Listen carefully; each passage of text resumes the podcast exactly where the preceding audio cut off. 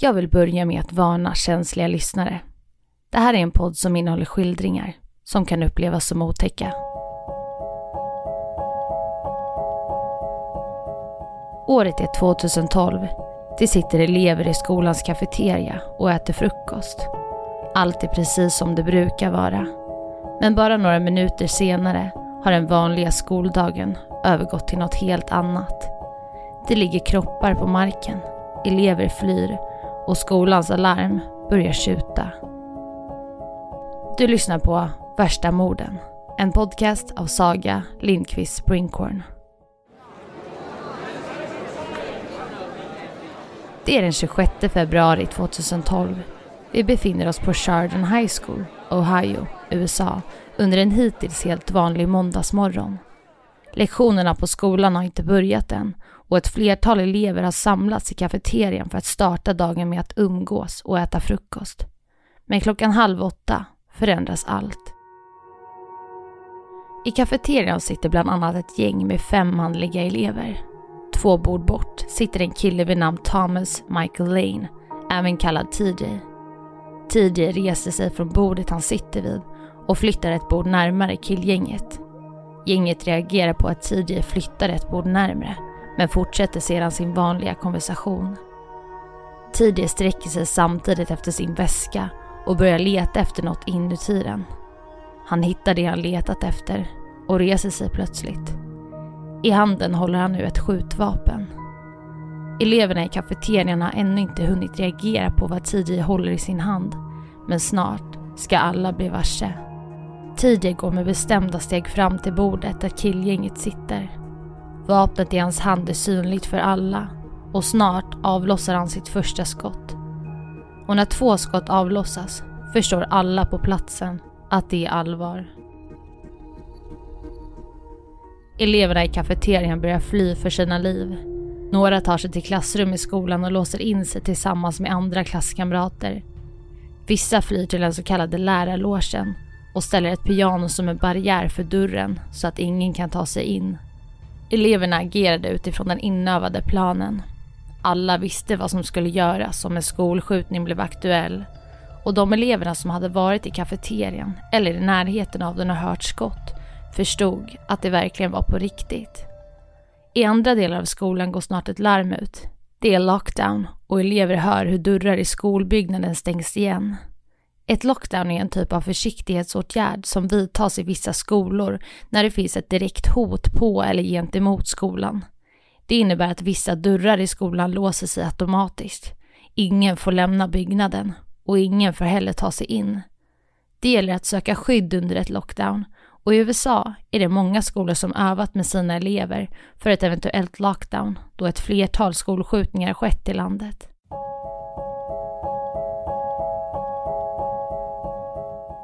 Det är uppenbart för lärare och elever att något har hänt, men alla reagerar olika. Ett flertal elever springer och skriker i panik längs med korridorerna. Andra gömmer sig och ser till att släcka lamporna. Vissa elever tror att det är en övning och tar därför inte larmet på största allvar. Men snart kommer alla förstå att det faktiskt varit ett riktigt lockdown. En person har skjutit ett flertal elever. En 15-årig elev på skolan beskrev ljudet från skotten som avlossades som ett pop, likt när man öppnar en påse chips. Han förstod inte att en skolskjutning kunde hända på just hans skola. I en intervju säger han följande. Jag tog ut mina läxor och hörde sedan ett pop, likt ett poppande när man öppnar en stor påse med chips. Jag tänkte mest, händer det här verkligen? Det här är ett litet ställe i mitten av ingenstans. Det är fem manliga studenter vid ett bord i kafeterian som tidigare har haft siktet inställt på. Han skjuter bland annat den 17-åriga Nick fyra gånger. Ett skott i sidan av halsen, ett annat i armen, ett i bröstet. Och det sista skottet skjuter tidigt mot Nick när han försöker fly i ryggen. Nick överlever mot alla odds. Efter skjutningen blev han förlamad. Han kan inte förstå varför TJ sköt just honom de lekte med varandra när de båda var små. Men sedan flera år tillbaka hade de inte ens pratat med varandra. Tidje skjuter också fyra andra killar vid bordet. En av killarna får en mindre skada. Resterande tre killar avlider inom två dagar.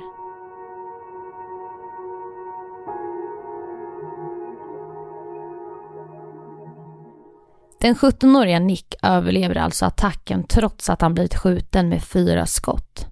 Ett av skotten träffar sidan av hans hals och kulan som han träffas med har sedan förflyttat sig upp till hans kind.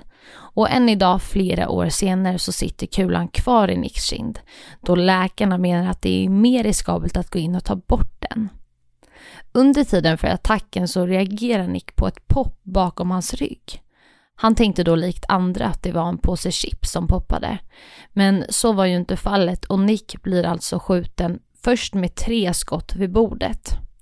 Nicks instinkt blir att ta sig till sin bil och köra därifrån. Han börjar kråla längs med golvet för att ta sig ut till korridoren och slutligen till sin bil. Han säger att han då var helt klar i huvudet, även om han inte förstod att det hade varit en skjutning. Hans kropp hängde inte riktigt med och när han försöker fly så blir han skjuten med det fjärde skottet i ryggen. Senare springer en orädd lärare fram till Nick och ropar på hjälp från andra lärare. En lärare som kommer till räddning har en skyddsväst på sig. Han har varit förberedd på att en skolskjutning kan ske. Läraren tar tag i Nicks ben och drar honom till ett rum. Och där och då så känner Nick ingen smärta överhuvudtaget. Men trots att flera elever inne i rummet stirrar på honom förskräckt förstår han fortfarande inte riktigt vad som har hänt.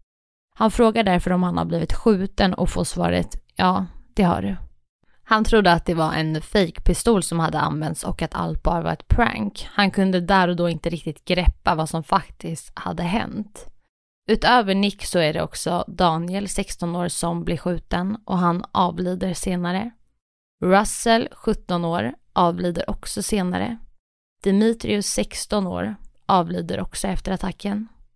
Sen har vi Nate som är 16 som får en mindre skada på örat. Sen har vi Joy som är 18 år som också får en liten skada.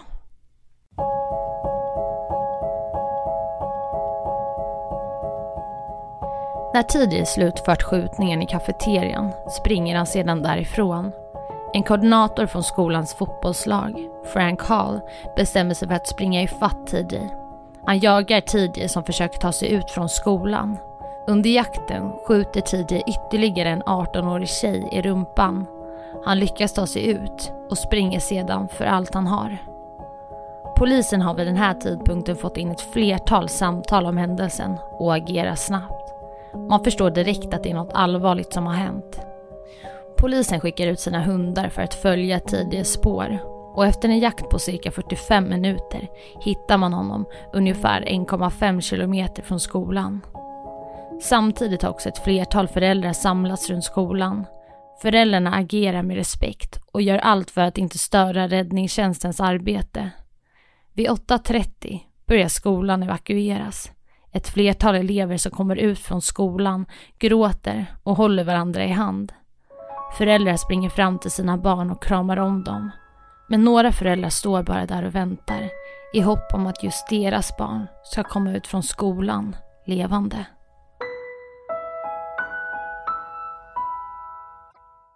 Men vem är då denne Thomas Michael Lane, även kallad TJ? TJ föddes i september 1994 och är vid dagen för skolskjutningen 18 år gammal. Hans uppväxt kantades av ett flertal prövningar. När han var tre år gammal förlorade hans föräldrar vårdnaden över honom på grund av drogmissbruk. Det ska också ha funnits våld i hemmet redan under Tijes första levnadsår. Föräldrarnas relation var turbulent och ibland våldsam. Situationen i hemmet var ohållbar och därför fick TJ flytta till sin mormor och morfar. Likaså hans syster och bror. Hemmasituationen blev bättre för syskonen men med tiden, då TJs bror växte upp, började hemmet återigen präglas av oroligheter. Våld och droger var hela tiden närvarande då TJs bror gång på gång blev arresterad av polisen för bland annat stöld, narkotikainnehav och mer därtill.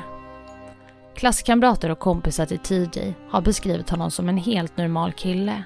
Han kunde ibland dra sig undan och gå lite för sig själv, men allt som allt var han helt normal. Först när han kände sig trygg och bekväm med en person vågade han prata och föra en diskussion. En granne till TJ beskriver honom som en glad och stabil kille. Han hade alltid haft ett leende på sina läppar och hjälpt grannen att hugga ner träd i flera timmar sommaren innan attacken. Ingen hade kunnat förutspå att TJ skulle bli en kall mördare. Under tiden för skolskjutningen är TJ inte elev på den aktuella skolan. Däremot samlas han likt andra studenter i anslutning till skolan för att ta en buss till en närliggande skola. TJ arresteras omgående när polisen slutligen hittar honom en bit bort från skolan. Han förhörs och säger då att han inte valde ut offren. Det var bara en slump. Samtidigt säger andra vittnesmål att TJ hade siktet inställt på just bordet med de manliga studenterna. Det går också ett rykte om att TJ tiden innan förskjutningen ska ha laddat upp ett flertal inlägg på Twitter som varit oroande. Inlägg som sedan tagits bort. Han själv erkänner att han skrivit ett av inläggen under skoltid. Han har då skrivit “Dö alla”. Det finns inga tvivel. Det är Tidje som utfört dådet och han ska nu ställas inför rätten. Men den rättsliga processen ska bli minst sagt problematisk. Okej hörni, jag vill bara stanna upp lite snabbt nu innan ni ska få höra slutet. Den här säsongen börjar nämligen närma sig sitt slut.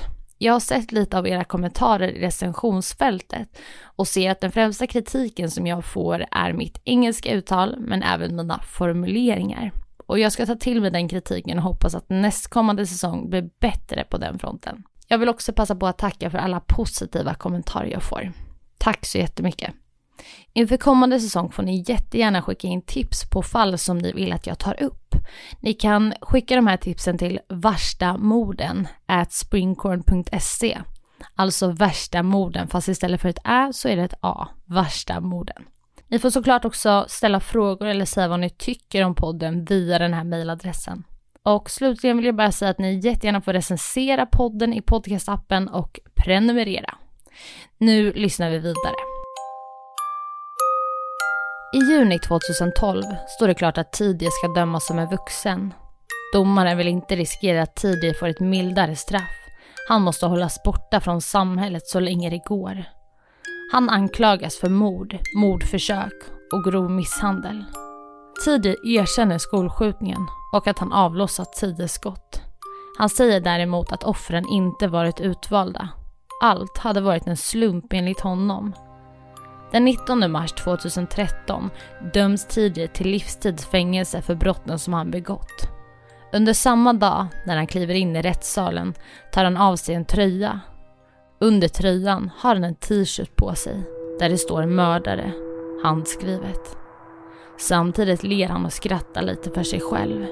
Något som återkommer när föräldrar till offren berättar om saknaden för sina söner.